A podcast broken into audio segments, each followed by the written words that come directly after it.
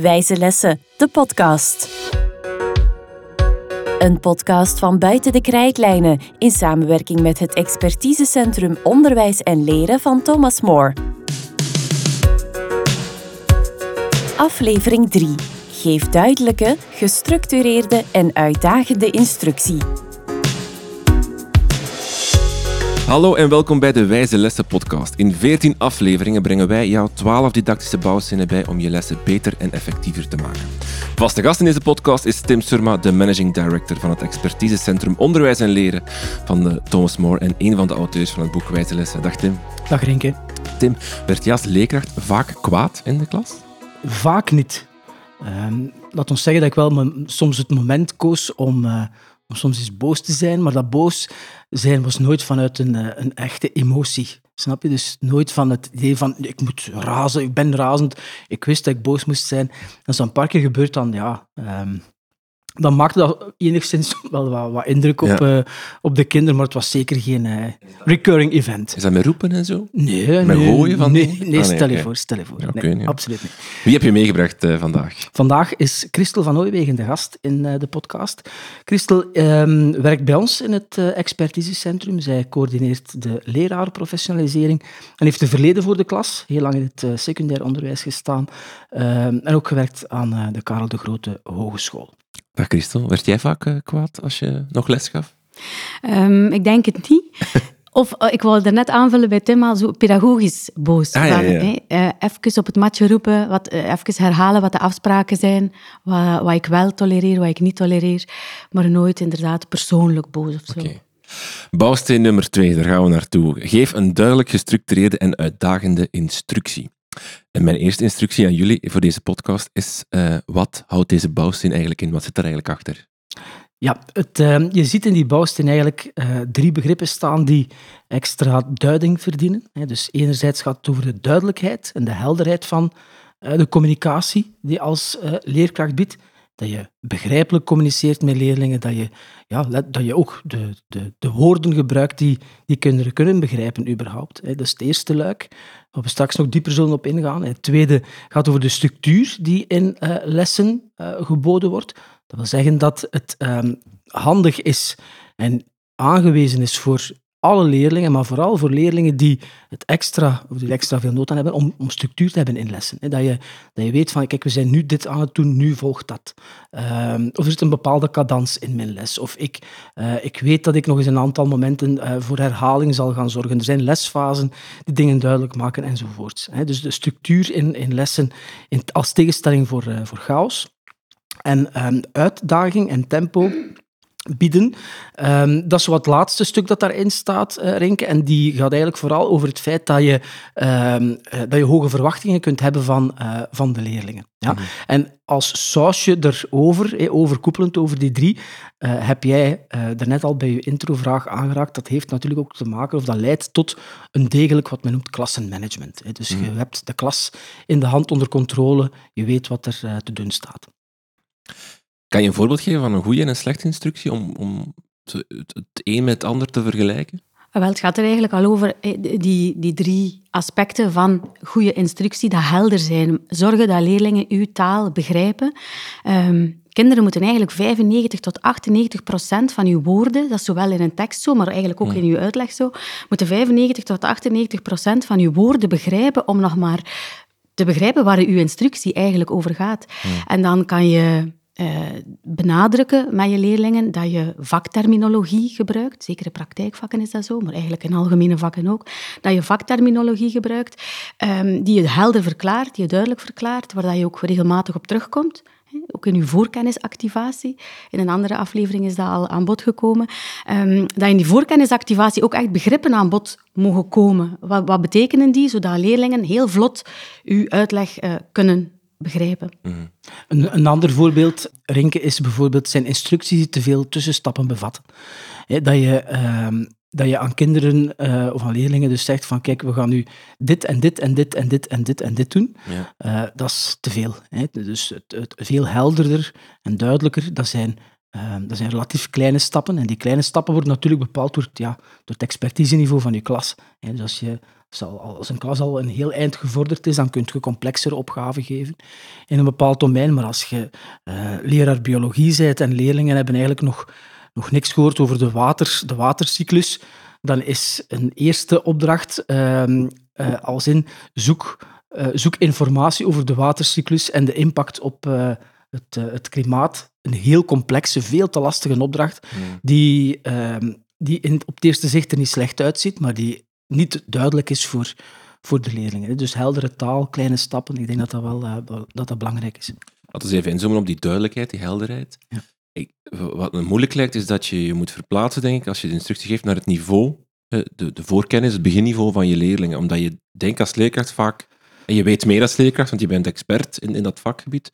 Dus is het gevaar, denk ik, dat je gewoon een te moeilijke instructie geeft die voor jou voor de hand liggend is, maar misschien voor de leerling helemaal niet. Ja, curse of knowledge is um, de kennisvloek. Um, dat is iets dat, dat, dat, dat, voor leerkrachten uiteraard ook geldt. Is als je te, te, te, thuis bent in je vakdomein, kunt je moeilijker verplaatsen naar wat leerlingen nog niet weten. Mm um, dat, is, dat, is, dat is vanzelfsprekend. Hè. Maar dus het, het bewustzijn daarvan is, is vaak al, is al, is vaak al voldoende. Mm hè. Het, uh, wanneer, wanneer wij bijvoorbeeld op scholen voor leraren uh, spreken of sessies geven, dan tonen wij soms een aantal screenshots uit handboeken. En dan vragen we, wat ziet u op deze foto?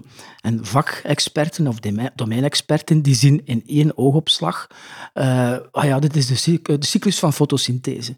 Terwijl dat een, een, een kind, maar ook een leerkracht die niet in het vakdomein zit, die ziet iets anders. Die ziet plantjes en zonnetjes enzovoorts. En uh, dat in, die inzage krijgen in de kennisvloek, dat kan denk ik al een hele handige zijn als leerkracht om, um, om, om, te beseffen dat je, je communicatie helder, laagdrempelig moet zijn. Maar er zijn natuurlijk ook... Uh, het besef is één ding, maar je moet natuurlijk ook checken of je instructie begrepen is, bijvoorbeeld. Je kunt kijken uh, van, zijn de leerlingen effectief aan het uitvoeren wat, wat ik gedaan heb. Ehm, wanneer je dan je nieuwe begrippen gebruikt, zoals Christel daarnet ook zegt, heel expliciet verklaren. Hè, er niet van uitgaan dat die kinderen dat al, dat al kunnen. Dus dat zijn een aantal aspecten waar je best kunt op letten.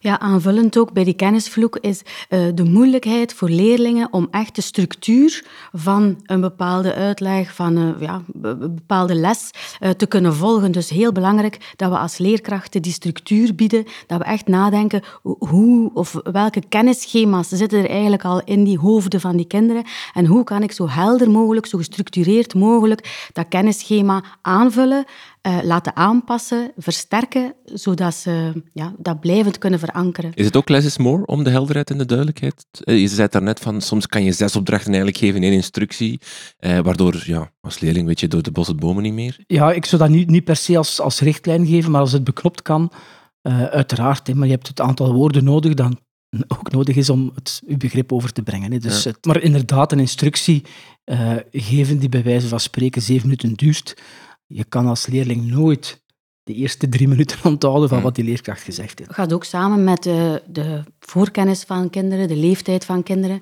wat je in een lagere school niet kan, van hoeveelheid instructie na elkaar kan in hogere jaren soms wel.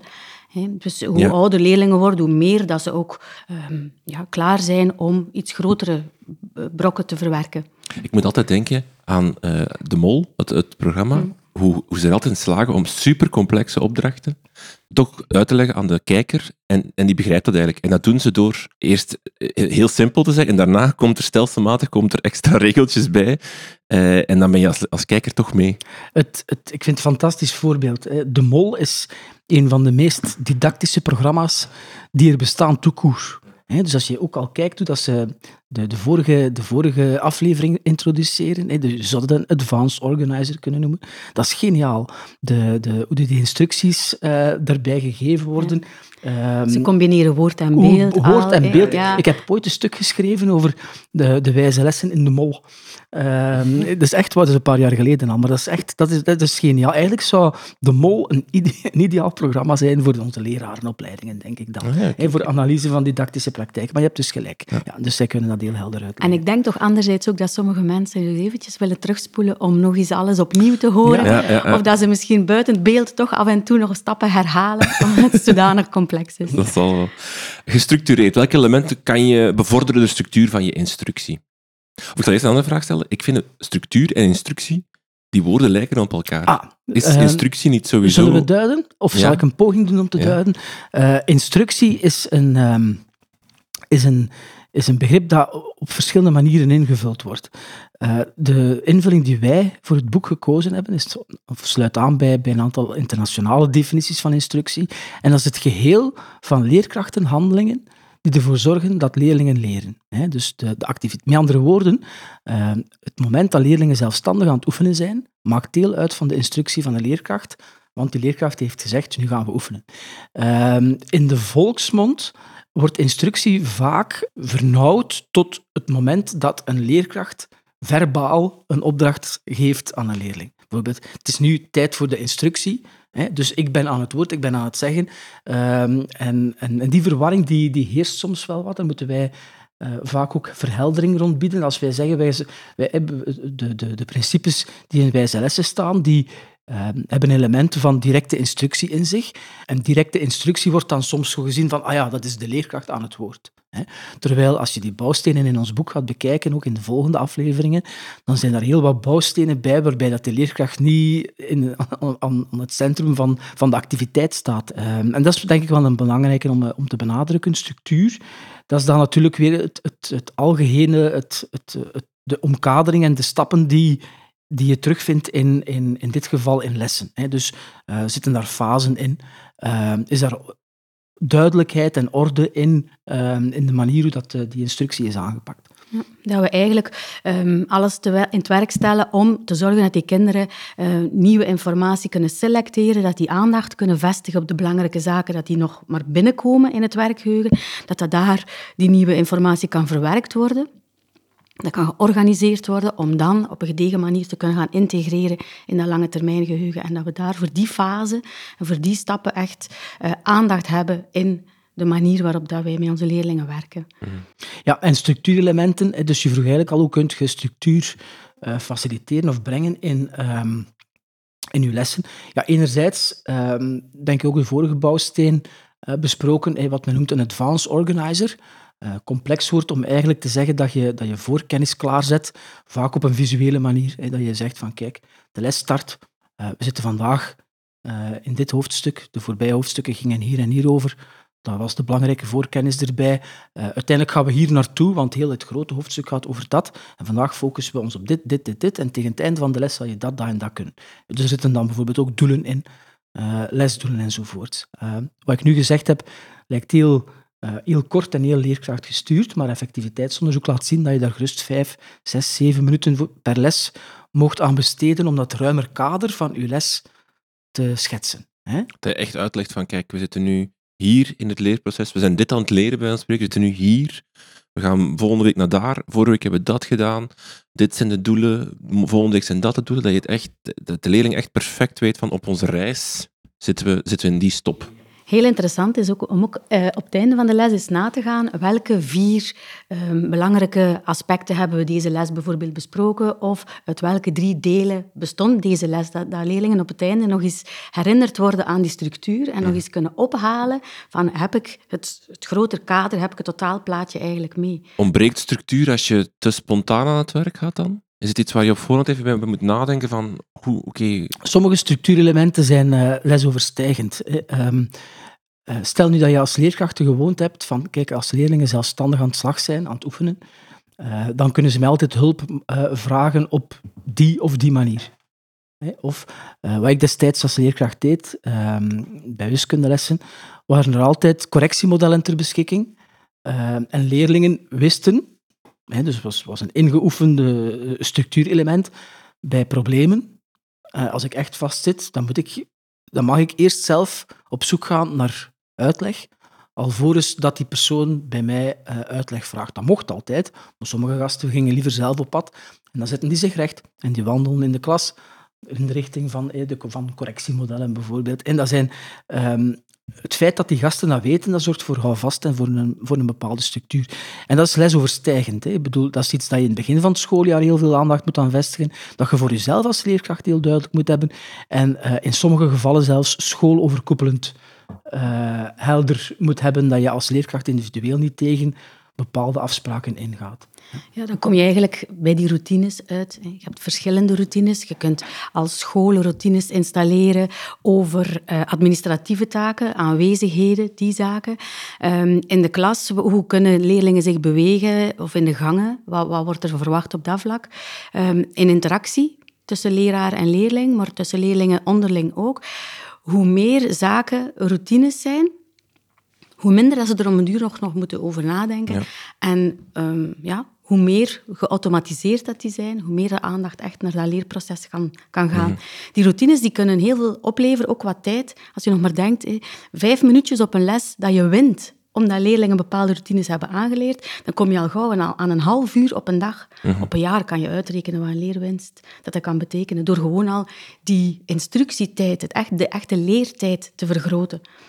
Vijf minuten per vak betekent een lesweek voor uw op vak. Jaar op, op jaarbasis, hè? minstens. Um, dus dat is, dat, is, dat is gigantisch. Maar dat zijn dingen dus waar je moet, moet bij stilstaan. Hè? Dus je hebt hier bij de structuur, grosso modo, twee soorten structuur die we aan het bespreken zijn. Dus je hebt de puur didactische structuur die gebied, door lesfase, advance organizer. Uh, Christel bespreekt over exit-ticket-achtige dingen ook daarnet. En anderzijds heb je de routines uh, die ervoor zorgen dat er, dat er ja, ook dat die, dat die bepaalde vorm van rust in, uh, in uw klas zit. Dat is hetgeen dat we nu, hè, dat we dus nu aan het, uh, aan het bespreken zijn. En um, een heel interessant persoon in dat opzicht um, is Gert Verbruggen. Uh, de man die, die rond een aantal van die routines wel wat in gang gezet heeft in zijn, in zijn school in, in Nederland. En het, het belangrijke aan structuur, hetgeen dat Christel daarnet zegt, is, mag niet vol, mag niet genoeg benadrukt worden, is, het is dubbel. Dus enerzijds de, de, de tijdswinst. Um, academici hebben daar een mooi woordje voor. Time on task vergroot dan. Dus logischerwijs, als je meer tijd krijgt om ergens in te verdiepen, dat de kans groter wordt dat je het ook beter kunt. Dat ten eerste. Maar ten tweede heeft dat structuurelement um, ook de grootste impact op leerlingen die, um, die bepaalde noden hebben in onderwijs. En ik, ga, ik neem de koepel heel of, of die, dat, die term heel ruim, uh, leerlingen met aandachtstoornissen, leerlingen met leer- en of ontwikkelingsstoornissen. Uh, dat, ja, leerlingen die gewoon het zelf al wat moeilijker hebben met gedrag. Het, het grote onderzoeken, maar ook uit de klaspraktijk weet je dat die leerlingen echt gebaat zijn bij die structuur die ze, en, de, en, de, en de voorspelbaarheid soms ook van, um, van de lessen die gegeven wordt. Waarbij dat onmiddellijk kader dat voorspelbaarheid uiteraard niet betekent dat er geen momenten van spontaniteit of zo mogen zijn. Hè. Ja. Nee, de eh, structuur, het terug samenbrengen van het geheel na zo'n spontaan moment, dat kan ook interessant zijn. En eigenlijk geldt dat voor ons ook, hè, want die structuur, als je zelf webinars volgt of um, de vormingen die wij geven, wij bieden eigenlijk ook telkens een advanced organizer aan zodat doorheen onze sessie, omdat er eigenlijk ook wel vaak veel um, verteld wordt, veel input gegeven wordt, dat we die sessie opbouwen aan de hand van een advanced organizer en dat mensen telkens kunnen volgen um, waar we in dat proces zijn en hoe dat we een stapje verder gaan. En in webinars zie je dat ook. Als je soms, um, als mensen starten met we gaan vijf aspecten bespreken van, dat mensen ook echt verwachten, oké, we hebben één gehad, we hebben twee gehad. dat, dat, dat, ja, dat, dat traject, dat, dat, dat die structuur gewoon gevolgd wordt. Dat je ook hmm. echt dan tot vijf moet geraken om ook in je hoofd die structuur te kunnen overnemen. Dus we hebben er eigenlijk allemaal baat bij dat als ons iets nieuw geleerd wordt, dat er een schone structuur kan uh, overgenomen worden eigenlijk van degene die de uitleg geeft. Een andere manier waarbij die, die structuur op die manier soms gepusht wordt, uh, is iets wat vele leraren die waarschijnlijk deze podcast gaan beluisteren, gaan herkennen. Uh, is het formuleren van lesdoelen. Het formuleren van lesdoelen is iets dat uh, heel vaak in lerarenopleidingen er vrij rigide ingedrild is. En waar velen achteraf dan denken, ja, doe ik dat nog? Enzovoorts. Hè. En het is inderdaad wel dubbel. En daarmee bedoel ik, het is niet het formuleren van je lesdoel aan zich, of het nu smart geformuleerd is of niet, uh, dat echt het grote verschil gaat maken. Het, uh, het, formuleren van doelen um, zorgt eigenlijk voor u als leerkracht enerzijds in welke richting dat jij wil. Dat lijkt mij al duidelijk dat dat handig is. Ik wil vandaag dat, dat en dat doen. Dus ik heb drie doelen. Um, maar voor de rest zijn doelen voor leerlingen uh, hebben als belangrijkste functie het richten van de aandacht. Dus met andere woorden, een leerkracht die zegt, uh, ah ik moet van mijn school, in het lager onderwijs heb je dat regelmatig, moet ik de lesdoelen aan bord schrijven.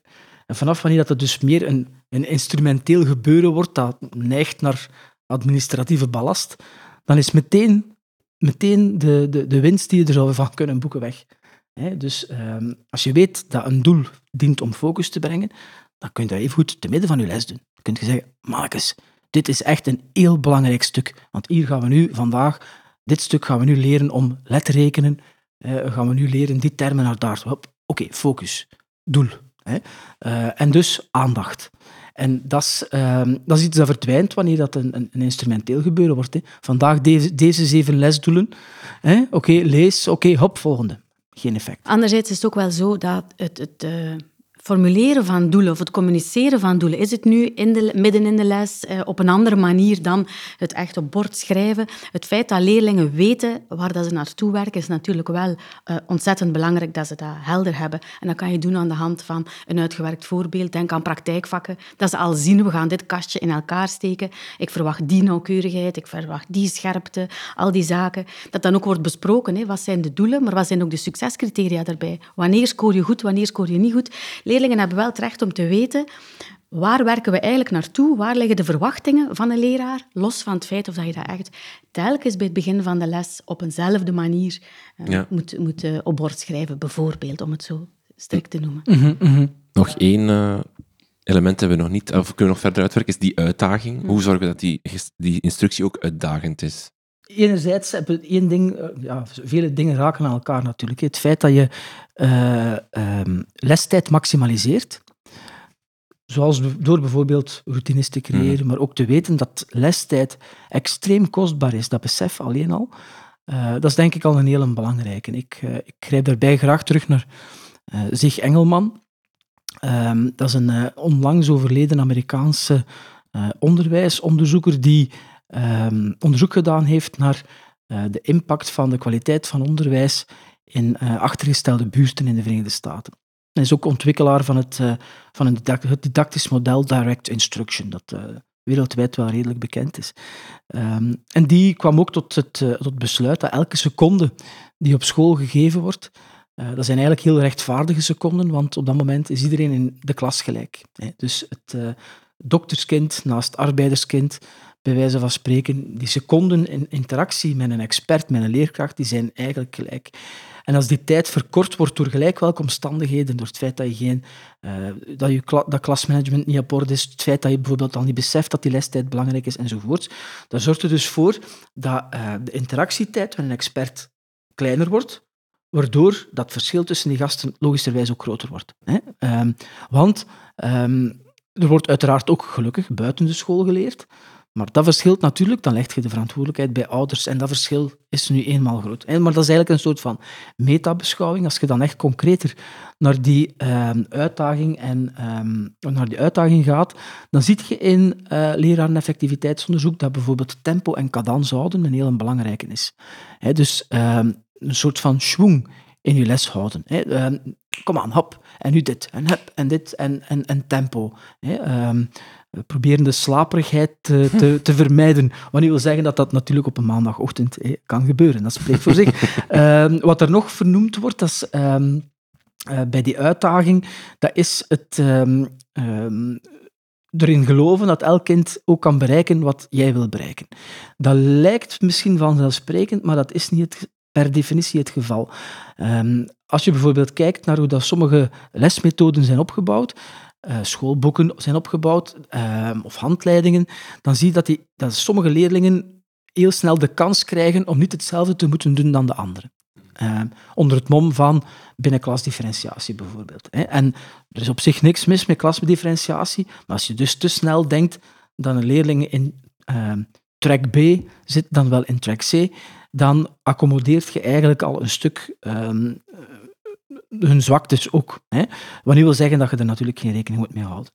Uh, en, um, en routines, die horen daar natuurlijk uh, ook bij, maar dat is een stukje overlapping. Maar gaat het dan ook over een, een uitdagend doel stellen? Dat je, dat, dat je instructie gewoon voor de leerling uitdagend voelt? Het is inderdaad de kunst om te zoeken naar doelen die uitdagend zijn, maar ook haalbaar zijn. En als kinderen voelen van, oké, ehm, en dat kan dan gedemonstreerd worden met een uitgewerkt voorbeeld, van kijk, dit is het doel dat jullie dit ook kunnen. Um, als leerlingen aanvoelen van, ja, dat, dat gaat mij lukken, dat is haalbaar voor mij, is dat heel motiverend. Het gevoel dat een uitdaging haalbaar is, zet aan om dat ook te proberen. Van oké, ja, kom, we gaan er hier aan beginnen, we gaan dat doen. Natuurlijk is dat voor leerlingen verschillend. Hè. Leerlingen zijn niet allemaal hetzelfde, hebben verschillende voorkennis, verschillende interesse. Al die zaken spelen natuurlijk mee. Maar ik denk dat een leraar in zijn klas geen totale spreidstand kan doen om iedereen op zijn niveau, hè, tot een niveau plus één te krijgen. Altijd net uitdagend en haalbaar voor die bepaalde leerling. Maar wel ja, globaal gezien kan je wel met heel kleine um, ondersteuningsverschillen zorgen dat ja, 80, 90 procent van je leerlingen echt wel um, uitdagend onderwijs krijgt en uitdagende instructie krijgt, uitdagende lessen krijgt en wordt uitgedaagd om telkens een stapje verder te gaan. Kan het ook helpen om de, om de horizon telkens mee te nemen in je instructie? Van dat je, je werkt vaak naar iets toe, naar een soort van eindkennis of eindproduct dat ze kunnen maken. In praktijk vaak kan je dat heel, is dat heel, kan je heel letterlijk tonen, maar bijvoorbeeld in wiskunde kan het zijn van kijk jongens, we gaan nu werken naar op het einde kunnen jullie dit vraagstuk, complex vraagstuk oplossen, maar daarvoor zijn, en dat je dat telkens meeneemt in je instructie van kijk, we gaan nu dit doen, omdat dat is een belangrijk onderdeel van onze horizon daar. Dat, ja, tuurlijk. Dat, dat, is eigenlijk een stukje die feed-up, dat je op een bepaald moment in het leerproces verwijst naar de top van de berg waar dat je met je ehm, instructie, met je groep naartoe aan het werken bent, het einddoel, en dat je daar regelmatig naar verwijst van kijk, daar gaan we uiteindelijk geraken. En wat je nu kan doen om één stap verder te geraken, is dit of dat. Of... Een ander aspect dat er, uh, of een onderzoeksveld dat zich daarmee bezighoudt, um, dat is het onderzoeksveld naar hoge verwachtingen. High expectation teachers, dat is iets dat, um, dat al, al, geruime tijd onderzocht wordt. Christine Louis Davis en die bestudeerde leerkrachten, um, waarvan de ene groep leerkrachten uh, hoge verwachtingen had van uh, de leerlingen, namelijk dat zijn intelligente leerlingen die bla bla bla. Um, een andere groep leerkrachten die, die eigenlijk een, ja, laten we zeggen, iets meer defetistische uh, houding ten opzichte van de klas. Uh, dat is de mindset die de leerkracht Eigenlijk een soort van, ja, eigenlijk, ja, dus zelfs helemaal een mindset van de leerkracht. En dan zie je uh, dat uh, leerkrachten die hoge verwachtingen van klassen of individuele leerlingen hebben, dat die soms andere subtiele signalen geven dan anderen. Hè. Um, ik, ga, ik kan misschien maar één concreet voorbeeld geven, maar bijvoorbeeld het leerkrachten die hoge verwachtingen hebben, van bepaalde leerlingen, die geven die bepaalde leerlingen meer denktijd als ze een vraag gegeven hebben. Ja. Of moeilijker vragen. En eerlijk gezegd, als, je terug, als ik terugdenk in mijn, in mijn lestijd, dan uh, je stelde een vraag en soms, ja, weet je zelf ook, dit zijn echt belachelijk gemakkelijke vragen uh, die ik stel, die eigenlijk gewoon ja, voor de schwung en de cadans zijn. En dan kijk je in de klas en iedereen is enthousiast en denkt je, oh, nu ga ik hier eens een leerling um, uh, antwoord laten die het wat moeilijker heeft om succeservaring te hebben. Daar is uiteraard niks mis mee. Maar zo ziet je dat eigenlijk je denken gekleurd wordt door al een vooroordeel. Hè. Uh, niks mis met dat kind die succeservaring, daar gaat het niet om. Maar het feit dat we dat dus spontaan doen, we hebben een moeilijke vraag, ah, dan zal ik toch eerder naar een ding gaan. Uh, en hetzelfde met denktijd bijvoorbeeld. Je ziet in die observatiestudies ook...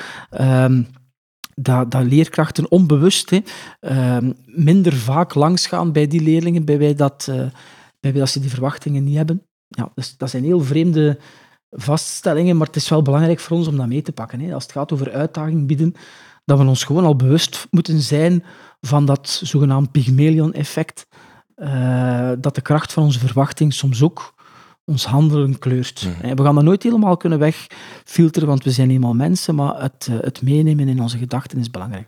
Ja, die growth mindset theorie gaat vaak over leerlingen. Dat ze moeten geloven dat het, als ze eh, goed doordacht oefenen, doelbewust oefenen, dat ze vooruit gaan. Eigenlijk, die growth mindset is ook een hele mooie voor ehm, leerkrachten. Ja. Dat, is ook algemeen gekend in leraarskamers. Van, ja, met die leerling of die leerling, van ja, het gaat hier niet mee lukken. Hè. Het komt niet goed tegen het einde van het schooljaar. Maar eigenlijk, wat kunnen we telkens doen om ook die een stap verder te krijgen, diezelfde hoge verwachtingen, die ondersteuning bieden. En dat lukt natuurlijk niet altijd, maar toch dat we blijvend die ondersteuning bieden om die ook zo ver mogelijk eh, te krijgen. Luisteraars die meer willen weten over het geven van uh, duidelijke, heldere, uh, gestructureerde en uitdagende instructie, wat kunnen ze nog lezen of doen? Of... Um, ik ben geneigd om iedereen het boek uh, Regie in de klas aan te raden van Gert Verbrugge, maar dat is dan eerder over het, het, het pedagogische klasmanagement. Mm -hmm. Die routine zit daar ook heel erg ja, in. Zit, zit, daar, zit er stevig in. Um, Engelstalig is het, het boek Habits of Success van Harry Fletcher Wood. Harry Fletcher Wood, bedankt Christel. een, uh, een uitmuntende die, die meer naar, uh, naar gewoonte, naar succesvolle gewoontes gaat. En als ik me niet vergis, is er zo pas een vertaling van het uh, High Expectation Teacher van Christine Ruby Davis in het Nederlands verschenen. Al zou ik niet weten wat de Nederlandse vertaling is, maar we vinden dat wel, Rinke. Christel, Tim, heel veel dank voor het gesprek. Wijze Lessen, een podcast van Buiten de Krijtlijnen in samenwerking met het expertisecentrum Onderwijs en Leren van Thomas More.